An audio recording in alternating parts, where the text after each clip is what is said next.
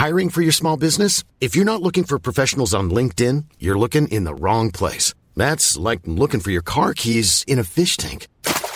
LinkedIn helps you hire professionals you can't find anywhere else, even those who aren't actively searching for a new job but might be open to the perfect role. In a given month, over 70% of LinkedIn users don't even visit other leading job sites. So start looking in the right place. With LinkedIn, you can hire professionals like a professional. Post your free job on linkedin.com slash people today. A lot can happen in the next three years. Like a chatbot may be your new best friend. But what won't change? Needing health insurance. United Healthcare Tri Term Medical Plans are available for these changing times. Underwritten by Golden Rule Insurance Company, they offer budget friendly, flexible coverage for people who are in between jobs or missed open enrollment. The plans last nearly three years in some states, with access to a nationwide network of doctors and hospitals. So, for whatever tomorrow brings, United Healthcare Tri Term Medical Plans may be for you. Learn more at uh1.com.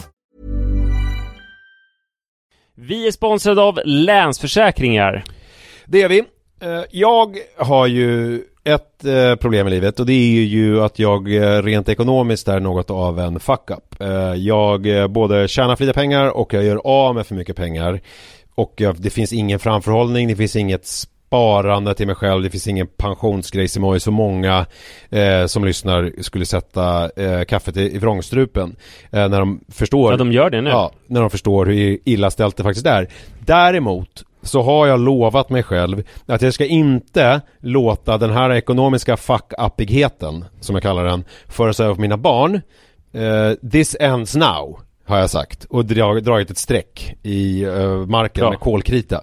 Eh, tatuerat in ett streck har jag gjort. Eh, och därför så sparar jag eh, till barnen varje månad. Och vi har ett system, jag och Li, att eh, Li sätter in eh, pengar på ett konto varje månad och jag sätter in pengar på ett annat konto varje månad. Livet är föränderligt, löften bryts, men Länsförsäkringar finns där för alltid och kan hjälpa till, då bland annat med Barnspar. Eh, vi tackar Länsförsäkringar för att ni hjälper Nisse och andra att hålla sina löften. Och eh, glöm då inte att Länsförsäkringar kan alltså hjälpa dig med bank, pension och försäkring. Tack så mycket!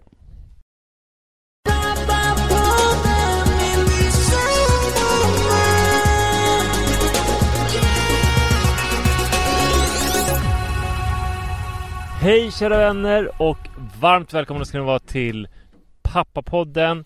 Hur är läget Nisse? Men det är kanon! Jag har ju haft en... Eh, vi har ju haft två liksom händelserika helger liksom i lite olika... Med lite olika fokus kan man säga. Ja, Jag är lite mer eh, dekadens och sus och dus. Och du har ju lite mer eh, kört, sprungit helt enkelt. det, det finns ju beröringspunkter för att du var ju på Woodland, en ny festival i Järvsö där jag vet att Peppe Lindholm var igår med sin hustru, eh, yogaläraren. Och Peppe Lindholm är ju en stark kraft för löpning, löptränare och sådär och är väl en, en av de som drog igång eh, Järvsö trail som gick av stapeln i typ idag eller igår. Jaha. Mm. Så han, och han var också Så det på var ju ett festivalen? lopp där du var. Så han var också... Och han var på festivalen också. Okej. Fan vad coolt. Ja. Det- Men jag, honom såg jag inte. Jag såg ingen som hade Nej. liksom löparkläder på sig. Han, har, han hade nog civila kläder Ja, ja. och långt hår och är trummis i Perssons pack. Jaha, okej. Jaha. Ja, det, eh, eh, nej, jag vet fan. Jag såg inte honom i alla fall. Det var ju ganska mörkt Nej. överlag. Det var ju i skogen så det var ju svårt att liksom se folk överhuvudtaget. Jag har ju sett på Instagram att det var en del folk som jag ändå visste, vet vilka det är, eh, som var där. Men som jag överhuvudtaget inte såg. Mhm. Eh, Så kan det vara. Till exempel Carolina Gynning. Ja, Henne såg jag ju inte. henne såg du inte. Och henne hade man ju sett, om man hade sett henne menar jag. Ja, men hur många var där då? Alltså hur många som var på festivalen? Ja, Jag gick runt och försökte räkna men det var så mörkt så det var svårt. Men jag vet inte, kanske... Kan det vara tusen? alltså det måste ju varit ljus på dagen eller? Ja, men jag var inte... Jag kan säga så här då. När jag var där på dagen. Jag kan ju berätta lite kanske. Uh, alltså jag gjorde den... Jag hade den bästa konsertupplevelsen i mitt liv. Eh, för jag tycker inte att det är så kul att gå på konsert. Alltså spelningen. Nej det tycker inte jag heller. Det är ju inte riktigt min grej. Men vet du att jag upplevde en konsert på det absolut bästa sättet jag någonsin upplevt i hela mitt liv? Det var nämligen så här att jag satt i en vedeldad bastu. Tänk dig en eh, klassisk eh, sån här bastuflotte. Som jag hade liksom Mm. tänt själv. Jag var helt ensam i den. För det var liksom ingen som riktigt visste att det var eh, fanns en bastu som var tillgänglig. Det var Alexander Salzberger som var en av eh, de som arrangerade festivalen som hade hyrt in den här bastuflotten. Och det var ju liksom inte mm. utannonserat att det fanns en bastu. Men jag visste ju det eftersom han hade sagt det till mig. Eh, så jag gick dit och tände den. Och så satt jag i bastun Helt ensam i två timmar Perfekt tempererat eh, Samtidigt som eh, Patrik Arve spelade sin musik eh, Som ju är liksom Oj. lite ragga, hiphop Du älskar ju Patrik Arve också Ja På ett personligt plan Ja och så att han satt liksom 25 meter bort och spelade musik och jag satt ensam i en bastu och fick liksom åtnjuta det. Um, Otroligt. Alltså och sen badade jag liksom i ljusnan och tvättade mig med lite olika produkter. Och gick fram och skakade hand med Patrik och typ vi pratade lite och jag, det var så väldigt roligt för att då jag kom simmande för att hans, DJ-båset var liksom på en flotte ute i vattnet. Så jag kom liksom simmande ja. bakifrån. Och så var det ganska grunt där, där DJ-båset var. Så jag kunde ställa mig upp och bara 'Men tjena Patrik' Och så vände han sig om. Och det tyckte jag var så jävla fascinerande att han är så jävla cool. Alltså, liksom cool-lugn person. Så han var bara, men ja. tjena! Och sen så liksom, ja, så stod vi och pratade i några minuter. Och det var liksom helt normalt för honom att det kom en kille simmande eh, bakifrån och pratade med honom under hans DJ-set Det är lite som på sådana här eh, All inclusive resorts när de har en bar i poolen. Verkligen. Fast en förvildad variant det Så är det, verkligen. Nej, Eller kanske är det resortsen som har en tam variant av det du gjorde? Att det var så det började liksom? Mm, så kan det vara. Men jag eh, måste ju säga att den här eh, Helgen känns som en så här eh, en sinnebild för hur jag upplever att jag har utvecklats liksom de senaste månaderna, halvåret. Allt går ju så fort i mitt liv kan jag uppleva. Alltså när jag ser det lite utifrån. Att det är som att det är att, att saker som hände för typ två månader sedan känns idag helt obsoleta och bara, men jag förstår inte ens hur jag tänkte då. Alltså gud, jag är en helt annan människa idag. Uh, men, och, och det här... Ja, och för två månader sedan så sa du ungefär samma sak om hur det var två månader innan. Ja, så det är ju liksom story of my life. Att det är, mm. eh, jag är väldigt tvärfast och principfast i stunden. Men jag ändrar ju mina principer och mina eh, sådana saker som en annan byter underbyxor så att säga. Mm. Ja. Och det som är... Ja men hur, berätta hur är det nu Ja men då? alltså att allting liksom bara löser sig Alltså hela den här ja. Hela den här liksom eh... Ja förut så var det att du, att du hade Du hade pratat om att du var orolig för Att du inte visste vad som skulle hända och du ville ha koll på vad som skulle hända ikväll och sådär Ja och nu den här Hela den här resan har ju varit liksom att jag Eh, Eh, jag chattade med Alexander och han typ bjöd upp mig och så försökte jag få dit lite kompisar men alla är ju så gifta och liksom har ju inga liksom när man kommer två veckor innan så det går inte att vara borta en hel del och så vidare. Så då tänkte jag att jag, eh, ja men då åker jag upp själv och hänger liksom med Alexander där och typ är vid hans hus och typ, ja men det blir väl kul liksom. Eh, och sen så eh, lärde jag känna en person eh, via jobbet. De, alltså för typ tre veckor sedan Som visade sig att han skulle åka dit också. Så att då fick jag liksom haka på honom och bodde med liksom honom i hans stuga eh, Med hans polare. Och vi typ hängde och hade ashärligt. Eh, och ja, och det är liksom att allting bara, om man är lite öppen och bara släpper lite kontrollen så blir det allt bara härligt hela tiden. Ja det är en ganska uh, ny uh... Är det en universell sanning du förmedlar nu till alla våra lyssnare? Ja, att om de bara är öppna så kommer allting ordna sig? Ja i alla fall är det min sanning den här uh, månaden Sen om två månader så kommer jag antagligen ändra mig och, och, och säga någonting i stil med att här, Gud man måste ha kontroll över sitt liv Det går inte bara släppa tyglarna för att då går ju allt helt åt helvete uh, Men just ja, men det där är så jävla intressant alltså För det tänker jag på ibland hur dum i huvudet jag har varit på vissa sätt. Och jag tror så här, tyvärr så är det ju så mycket liksom nivåer av livslögner så man tänker inte på de allra värsta sakerna, alltså de sakerna som är allvarliga på riktigt, utan på ganska så här ytliga saker ja. där man har ändrats mycket. Eh, men vad är det som man gör nu som man kommer förkasta sen liksom? Ja just det. Har du några? Eh... Jag, kan, jag kan ge exempel på liksom saker som jag har tänkt på. Som, alltså det här är bara det jag kommer på exakt just nu. Och det som är jävligt dumt är ju att det är liksom sportrelaterat. Jag vet inte varför. Det är nog bara för att jag kanske är inne i det spåret just nu när jag varit sprungit och träffat massa löpare och sådär. Men eh, en grej som jag minns att jag eh, eh, Det är att jag, jag sprang med Jakob Lapidus förut en gång. Ett pass. Ja. eh, när jag var ganska ny som löpare. Ett tröskelpass och jag märkte att alltså vi skulle springa typ 3 gånger 4 kilometer med två minuter joggvila och jag märkte att vi var ganska vi var ganska jämna den dagen. Han kanske kändes lite mer ansträngd. Och så körde jag någon slags jävla tokspurt på sista, slutet av sista intervallen. Mhm. Och han var så här, eh, det där tänker inte jag haka på. Det är liksom förfelar ju hela meningen med passet. Mm. Och jag tänkte lite så här, haha, han orkar nog inte. Ja just det. Och nu känner jag, var jag helt jävla dum i huvudet? Det var ju träningspass. Dels är det ganska så provocerande grej att göra när man sprungit pass tillsammans Mm. och sen så var det inte alls det det där passet skulle handla om. Just så det. det kan jag ju känna, vem, vem var jag Ja just det. överhuvudtaget då? eh, det finns- många sådana exempel, men när man är ny, ja, alltså det blir tydligt när man är ny i någon subkultur liksom att man lär sig och bara, vad i helvete höll jag på med? Ja men det där kan jag ju känna apropå, för jag har ju eh, pratat ganska länge om att jag ska eh, snacka om att fly in i saker. Mm. Eh, och, jag, och att jag kan ju Det känna... verkar svårt för dig att prata om det. Ja, nej men nu tänkte jag att jag ska göra det då. Alltså för jag menar ju att det liksom Att eh, Alltså att man kan fly in i saker som inte bara är destruktiva. Man kan också fly in i saker som är på pappret positiva. Eh, Ja, det är klart. men att det liksom blir för mycket och då blir det liksom ändå någon typ av flykt som blir liksom negativ även Mm. om det är liksom eh, positivt i grunden, om du förstår vad jag menar. Och för mig kan jag ju Ja, uppleva jag verkligen. för mig kan jag ju uppleva att jag flydde mig själv in i familjelivet under en massa år.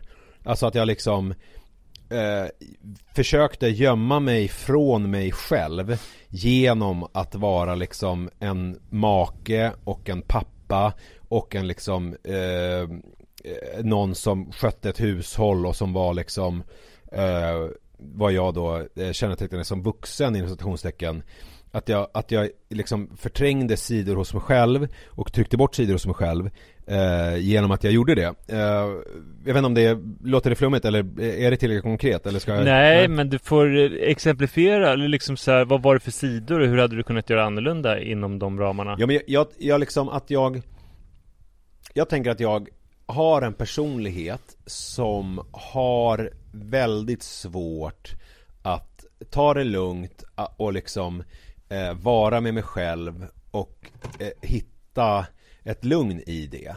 Och då kan sådana personer som jag eh, fly in i olika saker.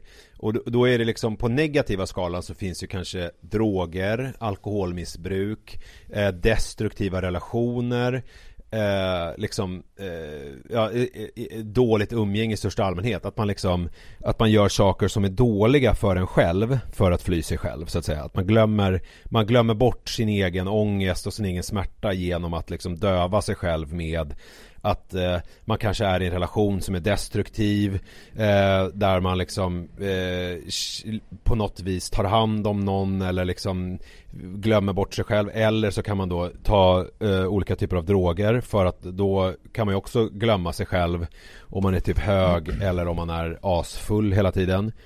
Eh, men, men man kan ju också fly in i eh, en roll som liksom varande eh, pappa eh, familjefar och liksom make och sen försöka per, liksom genomföra det med perfektion och, och bara tränga bort de här sidorna hos sig själv som kommer när man sitter still och när det inte händer någonting. Eh, förstår du vad jag Ja. menar? Eh, och då har jag ju tänkt då att nu när jag har varit eh, frånskild och ensam varannan vecka i, ja vad blir det nu då? Eh, Ska vi säga sen typ januari någon gång då? Eh, om man nu tänker, flytten var ju mars, men om vi säger det var ju januari som vi började bo eh, ifrån varandra. Så är det ju nu ett drygt halvår, eller vad, vad, vad blir det? Det är nio, nej det är åtta månader nio fan. månader. Åtta, nio månader någonting. Ja. Ehm, så har jag ju kommit på att jag Alltså jag, har kommit på, fått den liksom uppenbarelsen att jag ganska mycket flydde mig själv och när jag nu faktiskt har börjat och sen också eh, när jag direkt efter skilsmässan eh, Denise Rudberg skrev ju ganska bra om det här i, var det DN i lördags igår Eh, om, eh, för det har ju kommit en eh, ny bok, känner du till den? Eh, som hon hade läst. Den heter så mycket som, lite koll här nu, Christian Down har skrivit Upplösningstillstånd. Ja, ja. Eh, Ja. En bok om en skilsmässa. Eh, Mm. där han, eh, och hon, hon hade den som utgångspunkt för en text om liksom eh, hur det var att skilja sig och allt det som det innebar för henne men kanske framförallt för liksom hur hon upplevde att män eh, hade sina skilsmässor att det ofta var ganska, en ganska chockartad upplevelse för dem eh, och att de inte förstod så mycket alls medans kvinnor var mer redo för det. Jag känner väl kanske blir lite eh, ett, eftersom vi ganska sent på söndagskvällen så blir det lite associativt resonemang här. Jag känner ju kanske att jag var väldigt redo när jag väl skilde mig för att jag eh, hade undermedvetet bearbetat det under eh, en herrans massa år fast jag inte riktigt var medveten om det. Men sen så när jag väl liksom eh, fattade beslutet så var jag väldigt redo. Eh, jag vet inte om du kan känna igen dig i den känslan eller jag, jag är ju ofta så i alla fall att jag fattar beslut till synes på magkänsla men sen så när jag reflekterar över det i efterhand så märker jag att ja, men det var nog inte så mycket magkänsla utan det var ju faktiskt någonting som jag hade gått och undermedvetet bearbetat ganska länge. Ehm, Ja. och så då efter skilsmässan, men det jag gjorde då var ju att jag flydde ju in i liksom nya relationer. Alltså eh, med eh, kvinnor.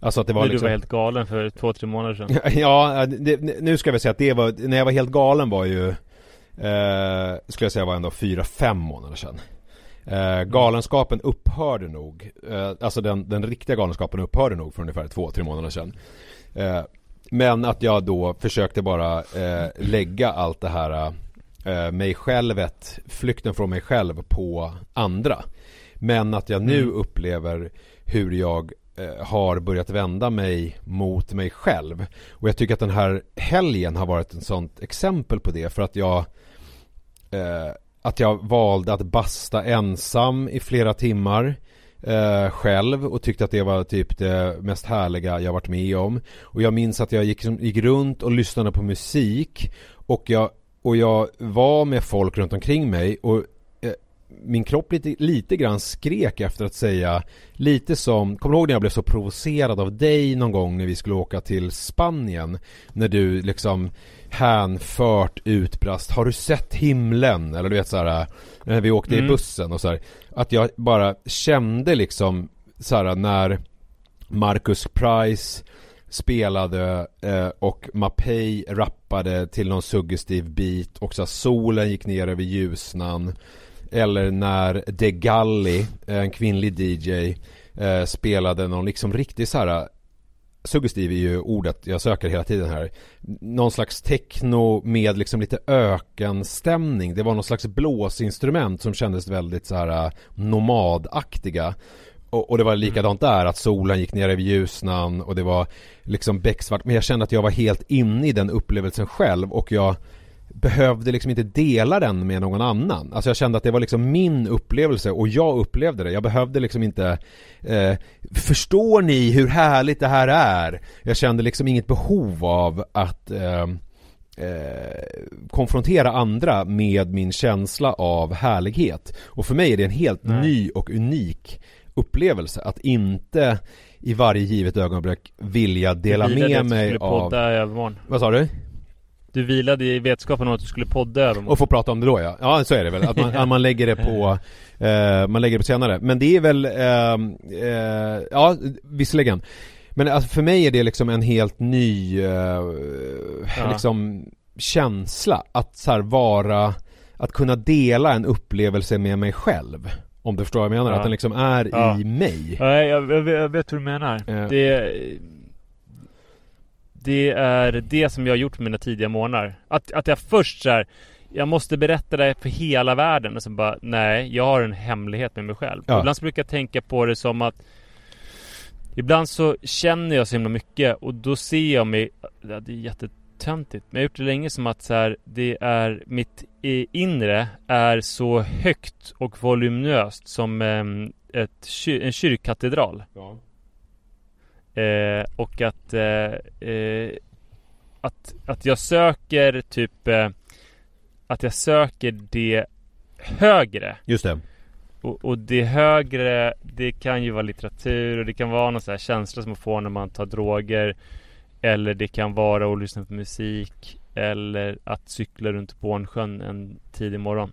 Ja. Och eh, att eh, man, när, man, när man når det så måste man inte förmedla det. Utan man kan bara så fylla hela den här katedralen. Upp till taket. Det är en underbar känsla ju. Med det högre. Ja, det är en underbar känsla. Men eh, Ja. Eh, och, jag, och då känner jag liksom att jag Alltså på ett helt annat sätt når en medvetandegrad och ett liksom en känsla för här och nu som jag liksom aldrig riktigt upplevt för att det är som att allt jag har gjort har varit liksom grejer som bockas av på en lista. Alltså en sån här helg eh, som ju har varit helt underbar och ett liksom avbrott från en annan vardag. Man är liksom borta, man är i skogen, man har inget ansvar.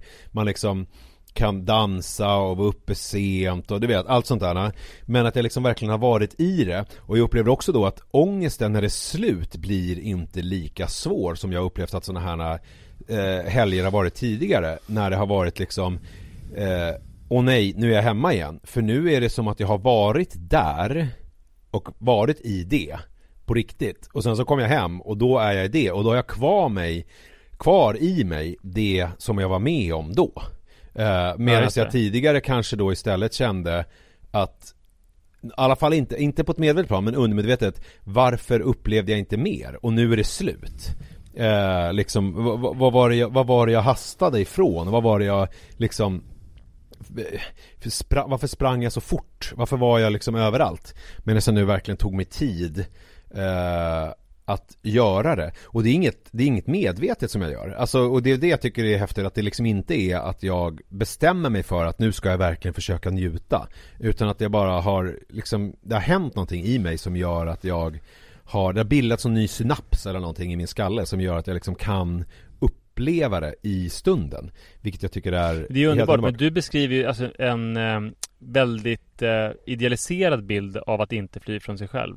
Eh, som väl är sann, men ofta är det ju så här att Alltså jag har ju varit expert på att fly från allting som är jobbigt. Alltså det är som att jag haft typ nästan olika tankeknep. Mm. Och det är ganska diffust så här, var jag flytt från ibland. Men eh, när man inte flyr, så det som oftast händer är ju att man mår piss.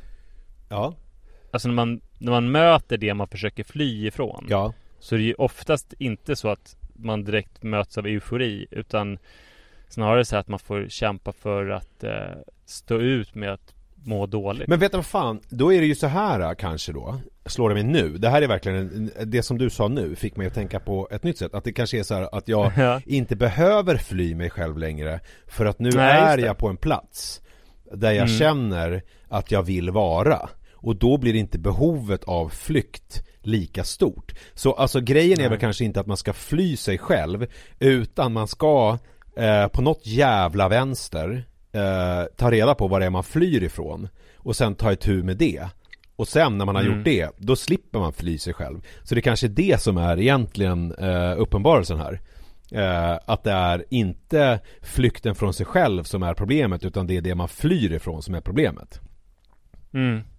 Ja men det tror jag Så kan det nog vara. Och då är det ju jävligt underbart tycker jag att känna att inte sitta ner och känna ett skav, att det är någonting som skaver, utan liksom att det är att man känner ett, eh, ett liksom, ett lugn på ett annat sätt.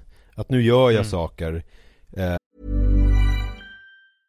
I'm Sandra, and I'm just the professional your small business was looking for. But you didn't hire me because you didn't use LinkedIn jobs. LinkedIn has professionals you can't find anywhere else, including those who aren't actively looking for a new job but might be open to the perfect role, like me. In a given month, over 70% of LinkedIn users don't visit other leading job sites. So if you're not looking on LinkedIn, you'll miss out on great candidates like Sandra. Start hiring professionals like a professional. Post your free job on linkedin.com/people today. Everyone knows therapy is great for solving problems, but getting therapy has its own problems too, like finding the right therapist, fitting into their schedule, and of course, the cost. Well, BetterHelp can solve those problems. It's totally online and built around your schedule. It's surprisingly affordable too. Connect with a credentialed therapist by phone, video, or online chat, all from the comfort of your home. Visit betterhelp.com to learn more and save 10% on your first month. That's BetterHelp H E L P. på inom ramen för vad jag eh, undermedvetet anser att mitt liv ska vara. Eh, på olika Mm. sätt. Jag är på liksom rätt väg. Sen kan man ju gå mer eller mindre fort eller mer eller mindre rakt på den där vägen. Men man är i alla fall på rätt väg. Eh, ja, det är väl det kanske som är Egentligen är det det då som är själva eh, uppenbarelsen och slutsatsen av det här. Att s- så här, Mm. sluta, eh, sluta inte fly från er själva.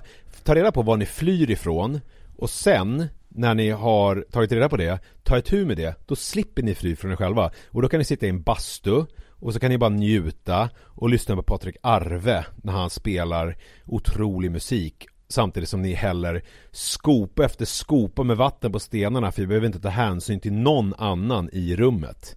Eh, och ni kan liksom bräsa hur mycket ni vill, ni kan sitta hur nakna ni vill, ni kan göra vad fan ni vill där inne, bara ni är snälla.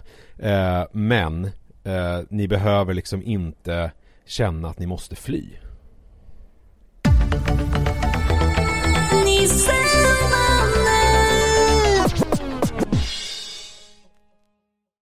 Nej. Bra. Alltså jag hade nog gärna flytt under vissa stunder av helgen. Fy fan vad intensivt det var. Jag eh, åkte till Helsingborg. I, Rut och Sara åkte till Göteborg. För de skulle spela handbollscup. Eh, det är otroligt att Sara Skulle Sara också spela är- handbollscup? Sara är eh, den som har hand om laget kan man säga.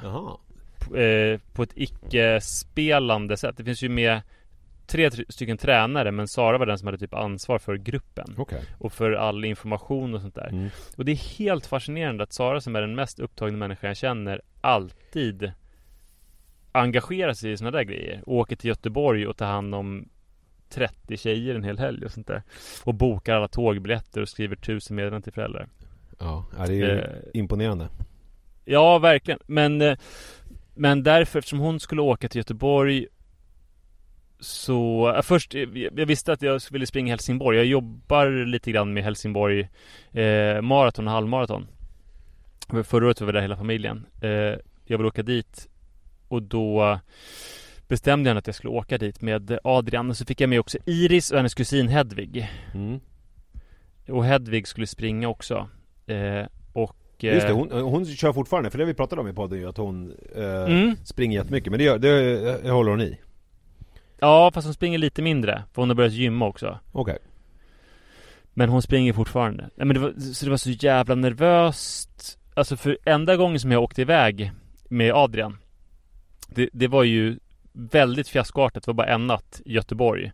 Just och det. eh, det var den värsta natten i hela mitt liv. Mm. Eh, Och du beskrev så- ju förra veckan hur eh, jobbiga nätterna är nu.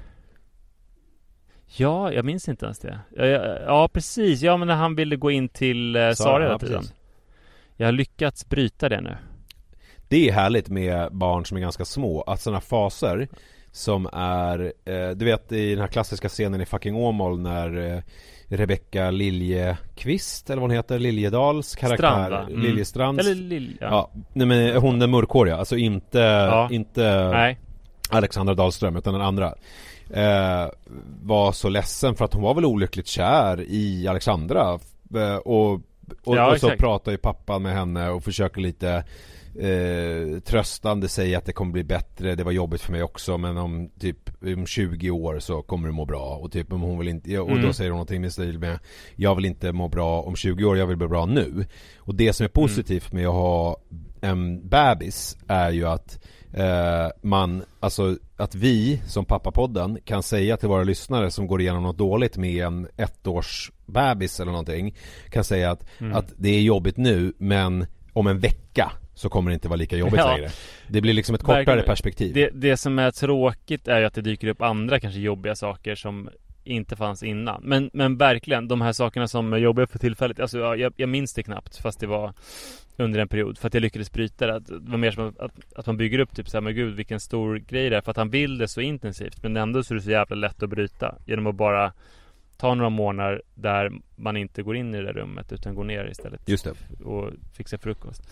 Men, eh, Ja men alltså, så det har börjat ordna sig. Så nu Nu är vi tillbaka i vårt symbiotiska liv att eh, Han ligger och sover på mitt bröst hela nätterna och sen så går vi ner och käkar frukost tillsammans Och nu skulle vi åka på världens längsta bilresa eh, Och det gick bra Men sen så eh, Det var två nätter i Helsingborg Och eh, alltså fan intensivt att vara med honom hela tiden Hur kommer det sig att ni valde just bil då? För jag tänker mig att det är lite smidigare med tåg eller? Om man har en bebis att det kan liksom... Nej, tåg är för jävligt alltså Ja det är ännu värre alltså?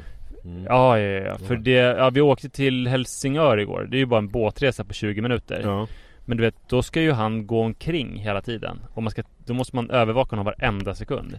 Och då, han hoppar och dansar jättegulligt Men också så kan han så här, ta sikte mot någon persons ben Så att de blir livrädda när det kommer en liten bebis och grabbar tag bakifrån Eller han springer fram till någon hund eller du vet Hittar någon trappa som han ska göra något farligt med Eller gå in på taxfree så att eh, man vill ju binda fast honom. Alltså bil är ju perfekt. Men, han, men det jag menar var att han, han liksom eh, nöjer sig med att sitta i bilstolen. Alltså och... Ja det visste jag ju inte men det jag gjorde var att jag eh, köpte Alltså typ 12 år för sent en iPad-hållare till bilen.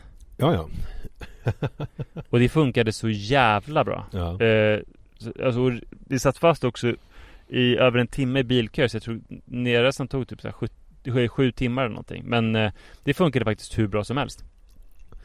Det som blir jobbigt på sådana här resor mest, det är att han att han eh, så gärna skulle vilja springa och gå överallt. Men att man typ så här har honom först i en bilbarnstol och sen i en vagn och i babybjörn och i en så här stol på en restaurang så att han blir så här lite rastlös. Att han kommer liksom till korta fysiskt eftersom han är så liten så han kan liksom inte om vi ska gå en kilometer så funkar liksom inte det att han gör det. Nej.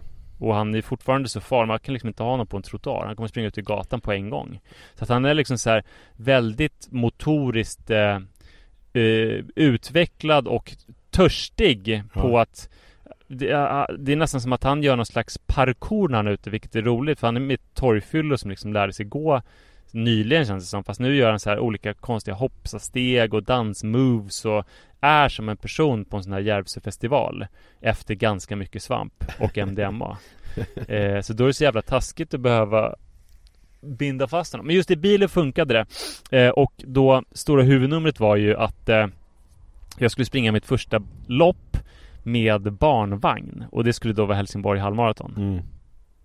Och det var ju, det är som att jag, eh, det kanske var när jag började med hålla på med de här konditionsgrejerna att jag har kommit på att jag får en kick av att göra jävligt jobbiga grejer. Och att jag, gör, jag drar det liksom lite för långt för att, alltså bara det här med att åka till Helsingborg, klart det är helt underbart på många sätt men det är ju lite för jobbigt. Ja. Att så här, vara en förälder som åker ner och upp från Helsingborg på en helg. Eh, och ska dessutom och då springa för du sprang ja, på, vad sprang exakt. du på? 1.36 och någonting?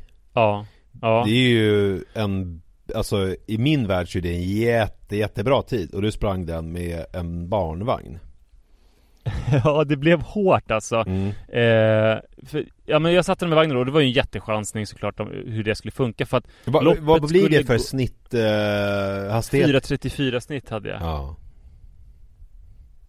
Ja det är otroligt Ja, men eh, eh det var lite chans. Loppet gick 9.30 och det är ju inte hans sovtid. Och vi brukar, vi brukar bara springa i anslutning till hans sovtid. Och han är ju som sagt ganska fysiskt rastlös. Han älskar inte att sitta i en vagn. Eh, så, i startfållan då, alltså det, på sajten och allting och lopparrangören har sagt till mig och det står på sajten också så här barnvagnar är mer än välkomna. Vi älskar när folk springer med barnvagn och så här. Men det är ju lätt för de som har gjort loppet att säga. Svårare för de som står i den trånga startfållan att känna det. Just det. Att säga gud vilket mysigt ekipage. Alltså den, den här vagnen tar ju stört mycket plats och eh, Adrian lät och såg ut som att han ville fly fältet liksom. Just det. Så det inte, då blir det inte så här gulligt utan mer så här vilken jävla idiotpappa som tvingar sonen att sitta i en vagn och springa för att han vill springa ett lopp liksom. Ja. Då borde du gå till en lekplats eller någonting istället. eh, och dessutom så försökte jag lite diskret så här tränga mig fram för jag visste att jag fast jag hade vagn skulle springa fortare än de flesta i fältet. Ja. Men det var ju väldigt svårt att tränga sig eh, med vagn. Så att eh, starten gick och det var massa folk och Adrian tyckte att det ibland sög jättehårt, ibland sög lite mindre hårt. Men generellt att det sög ganska hårt att springa. Mm. Eh, och jag så här, Hur yttrar det sig sprang omkring Ja men att han skrek till Att han gjorde farliga utbrytningsförsök Han har blivit så här, Innan har jag undrat så här Varför är det så jävla många bälten på alla vagnar? det. alltså det är ju Dels över axlarna och sen över magen Mm. Och jag har aldrig stängt den över magen Jag tänkte så här, vad fan det, det är inte någon Det är inte liksom någon Houdini som man har i sin vagn Nej. Utan det är ett helt vanligt barn Mm. Men nu förstår jag att det skulle behövas liksom hur många som helst För att han lyckas ta sig ut på olika sätt Och det var det han försökte Så att jag sprang och pratade med folk för att Folk eh, reagerade ju mycket på när jag sprang upp bakifrån med en vagn Så de pratade med mig Mm. Och samtidigt försökte jag så här justera suffletten Plocka upp nappen som han tappade Och ge honom majskakor Som han oftast slängde bort Och sen efter tre kilometer kom en så här helt sinnessjuk backe som alltså bara pågick och pågick och pågick. Ehm, och eh, och jag, mitt mål var så att jag ska försöka springa hårt. Alltså att jag, det är svårt att veta med tider och sånt där. Dels för att det är en väldigt krävande bana där, Helsingborg halvmaraton. Extremt vacker. Eh, med så här, man springer på grusstigar med utsikt över vattnet och olika bokskogar och sånt där. Men, eh, men eh, jobbig att springa och dessutom så med vagn så har jag ingen aning om, alltså jag har ingen referens. Jag tänkte att jag ska springa hårt. Mm. Men i den där första hemska backen tänkte jag att jag kan ju faktiskt inte springa så hårt för att om det händer någonting med Adrian Då måste ju jag vara liksom tillräknelig Jag måste ju kunna så här, ta hand om mitt barn ändå Just Det det. funkar inte annars Men sen efter den där backen kanske vi så här, Vad kan det ha varit? Vid 25 minuter Ja. så somnade han Ja. Och då fick jag sån jävla energi Men var, men var det, men var det alltså inte hans egentliga sovtid utan det var Nej exakt Nej bra poäng Mm. Utan han somnade vid 10 fast han brukar kanske somna vid 12 Okej Eh, så att han liksom, han var så uttråkad så att han såg det- som sin enda möjlighet. Plus att han är lite kanske konstant undersövd just nu för att han har sådana problem med sin sömn. Just det Eh, men, men då fick jag sån energi för överallt så var det, man har eh, namnet på nummerlapp. Det är lite olika olika lopp. Men det, de bästa loppen är ju när namnet står. För då kan ju folk heja på en specifikt. Just det Eh, och då var det liksom så här. Kom igen nu man! Åh, kom igen bebisen! Åh, han sover! Gud vad gulligt! Och hela tiden bara Ja, kolla han springer med barnvagn! Det är fan kaxigt alltså!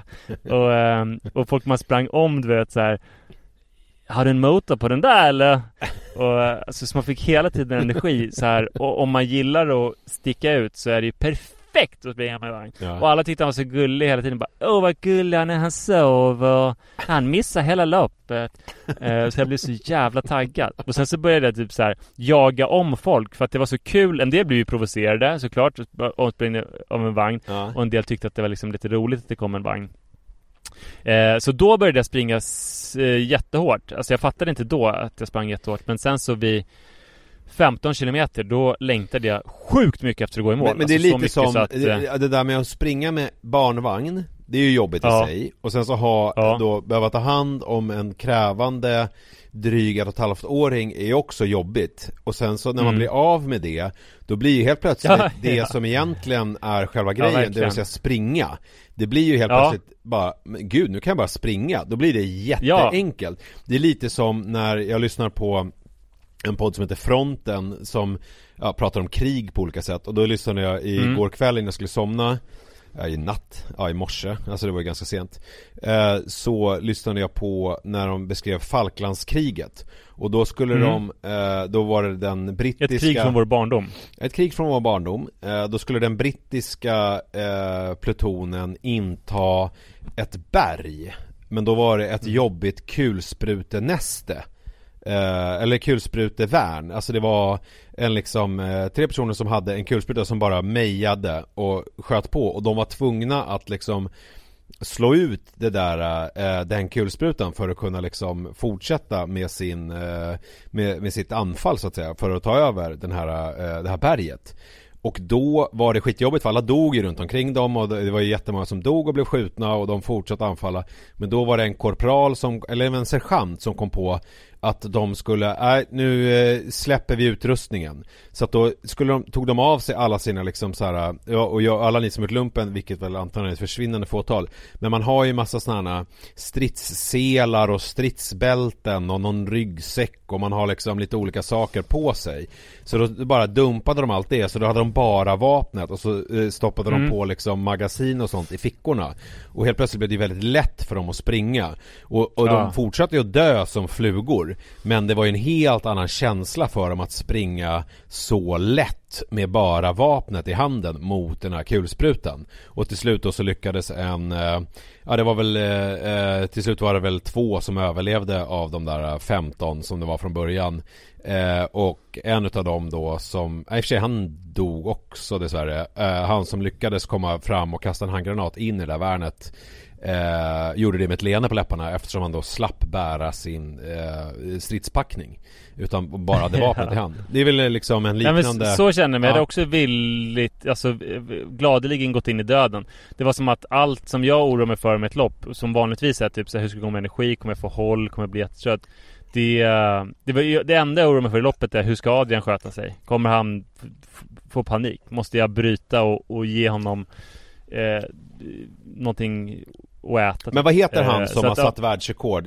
Eh, Kipchoge? Nej, Kip, vad heter han? Som satte världsrekord? Ja, Kipchoge, Kipchoge på maraton På maraton ja. Tror du? För att han, han krossade ju den här två timmars vallen Uh, eller hur? Ja, alltså dock i ett så här jippolopp Jo, jo det, det, är inte det som är världsrekordet Nej men, men han, han gjorde något, det var något jippo och han lyckades springa ja, ett maratonlopp mm. på under två timmar Jag tänker så här.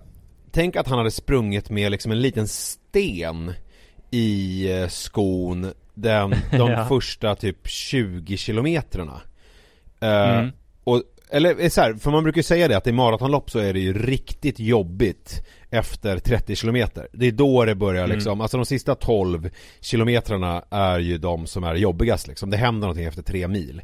Det är då liksom eh, eh, pojkar blir män eller flickor blir kvinnor eller hur man nu uttrycker sig eh, den sista milen, eh, drygt, dryga milen. Om han då hade sprungit med en sten i skon hela den och, få, och hållit liksom sub 2 tempo och sen så liksom blivit av med stenen på något mirakulöst sätt för han kan ju inte stanna så mycket och hålla på med det. Han sprungit på 1.45? Uh, uh, då kanske han hade sprungit på, ja men 1.45 liksom. För att då hade det varit så jävla lätt sista 13 kilometrarna. För att det liksom bara wow jag slipper den här stenen i skon.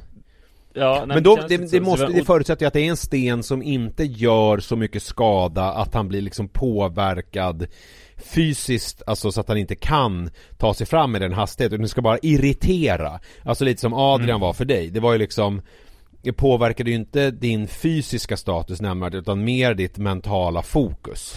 Uh, ja, det får man säga. Och att när han då somnade så blev det mycket lättare för dig. Ja. Jag tror att det här är någonting, jag ska ringa till Ingebrigtsen pappan och ge det här tipset. Han känns som en person ja, finns, som skulle kunna göra det. Det finns faktiskt folk som, jag minns inte vem det är, men jag har hört en historia om att en amerikansk eh, väldigt duktig löpare som brukar träna med eh, grus i skon. Det är helt otroligt.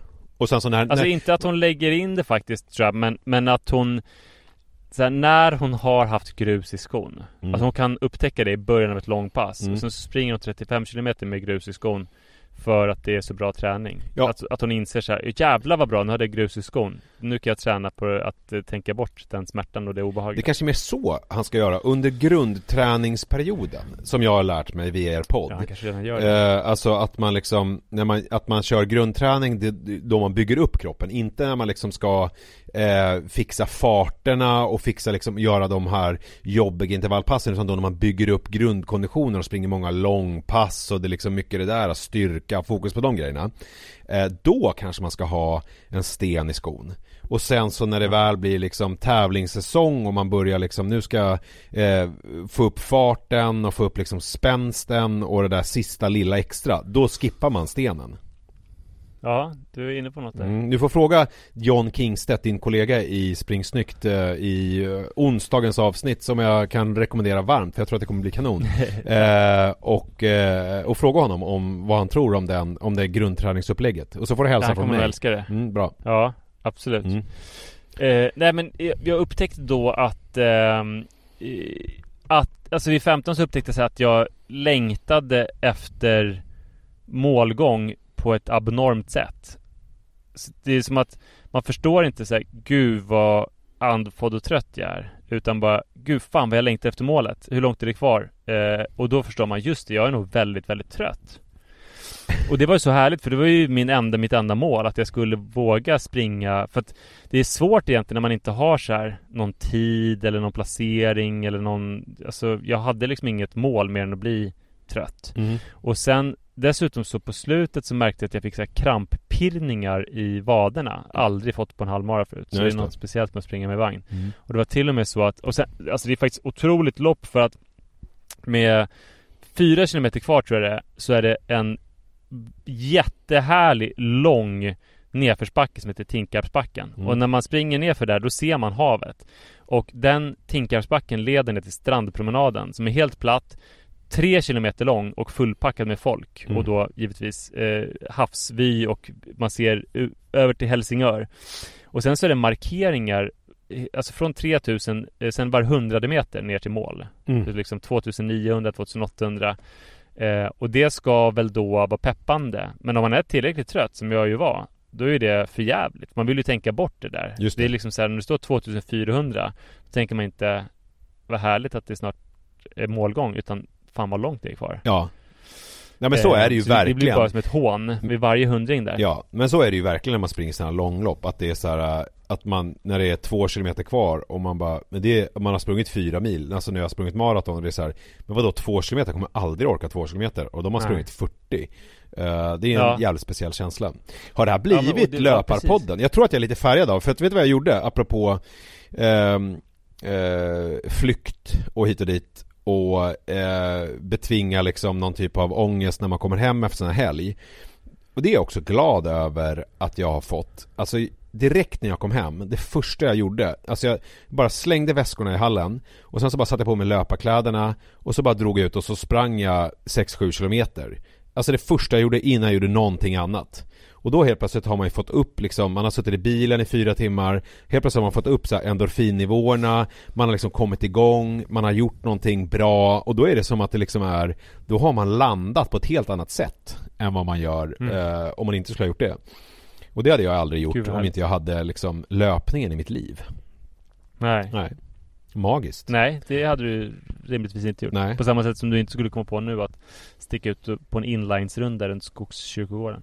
Nej, det ligger, eh, känns jättelångt bort Men hur du vet du vad som Men- inte känns långt bort? Förlåt, ville du avsluta ditt resonemang?